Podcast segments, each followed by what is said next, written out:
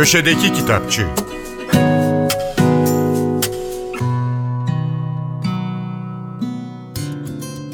Merhaba, ben Adnan Bostancıoğlu.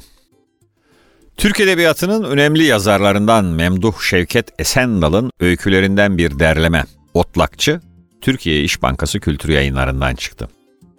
Son bir yılda Esendal'ın kitapları çok sayıda yayın evi tarafından yayınlandığı için köşedeki kitapçıda da ondan sık söz ettik. Çok kısaca hatırlamak gerekirse. Memduh Şevket Esendal 1883 doğumlu. Mülkiye Mektebi'nin ikinci sınıfına kadar okudu ama düzenli ve sürekli bir okul hayatı olmadı. Bununla birlikte kendi çabasıyla Arapça, Farsça ve Fransızca öğrendi. 1906'da İttihat ve Terakki Cemiyeti'ne üye oldu. İlk öyküsü 1908'de Tanin'de yayınlanan Memduh Şevket, Türkiye Büyük Millet Meclisi'nin kurulması üzerine Anadolu'ya geçti. Büyükelçilik ve milletvekilliği yapan Esendal 1952'de Ankara'da vefat etti. Memduh Şevket Esendal'ın çoğunlukla Meslek dergisinde yayınlanan ilk hikayelerinden örnekler var Otlakçı'da. Kitaptaki öykülerde ilk anda içinden bir hikaye çıkmayacağı sanılan küçük anlar ve sıradan insanların hayatları var. Hem toplumsal hayat hem bireyin hikayesi. Esendal'ın bol diyaloglu, sade ama etkileyici anlatımıyla. Yani basit olanın derinliği. Bakın Nurullah Ataç Esendal'ın hikayeciliği üzerine ne diyor? Memduh Şevket Esendal, dilimizin arınmasına, açıklaşmasına en büyük yararlıkları dokunmuş yazarlarımızdan biridir. Hatta Ömer Seyfettin'den sonra bu yolda en çok çalışmış olan odur. Şunu söylemek istiyorum. Ömer Seyfettin dilimizi edebiyatı cedidinin eski inşanın yapma bezeklerinden kurtarmıştı. Ondan sonra gelenler onun sanatını sevmeseler de açtığı yoldan gittiler. Memduh Şevket Esendal bir adım daha attı.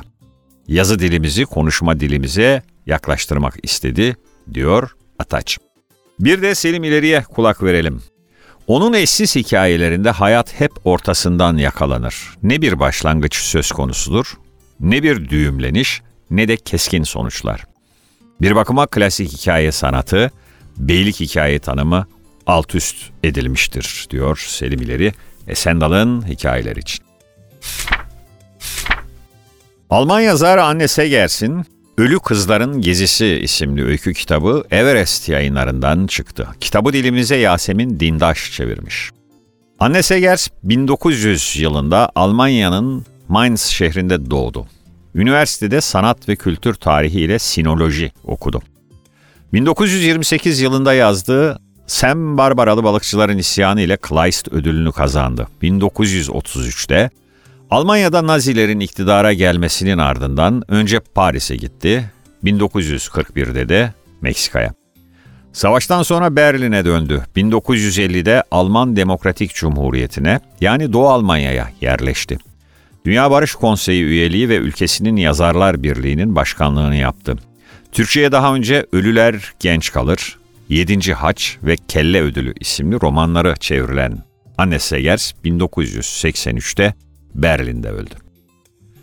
Bugün bahsettiğimiz Ölü Kızların Gezisi'nde Segers'in üç uzun öyküsü yer alıyor. Kitaba adını veren Ölü Kızların Gezisi, yazarın bu türdeki en ünlü eseri. Otobiyografik anılarla kurgulanmış öykünün anlatıcısı, Meksika'da sürgünde yaşayan Neti. Neti, 1912'deki bir okul gezisini, arkadaşlarına ve o mutlu günlerin neredeyse bir rüyadaymış gibi aktarıyor. Zihninde hatıraları kurcaladıkça Birinci Dünya Savaşı'ndan nasyonel sosyalizme ve İkinci Dünya Savaşı'na uzanan süreçte arkadaşlarının değişen kaderlerini anımsıyor. Aşk, dostluk, ihanet, zalimlik, ikiyüzlülük ve ölüme dair trajik öykülerle 20. yüzyılın ilk yarısındaki Alman toplumunun geniş bir resmini çiziyor. Bu etkileyici öykünün yanı sıra kitapta Segers'in yine aynı dönemi ele aldığı Vaat Edilmiş Topraklara Mektup ve Son isimli öykülerde yer alıyor. İlk kitabı Herkesten Uzakta ile 2022 Vedat Türkali Öykü Ödülü'ne layık görülen Kadir Işık'tan bu kez bir gezi anlatı kitabı geldi. Yolda Olmak isimli kitap kısa süre önce Itaki'den yayınlandı. Kadir Işık yolda olmakta Tiflis'ten Bakü'ye, Tebriz'den Kirmanşah'a, Süleymaniye'den Midyat'a, Doğu'nun altın şehirlerinde dolaşıyor. Orta Doğu'nun parıldayan renklerini, zengin çarşılarını ve gönüllü insanlarını olduğu kadar çözümsüz sorunlarını, adaletsizliğini ve iktidarlarının yarattığı yapay husumetleri de taşıyor anlatısına. Herkese iyi okumalar, hoşçakalın.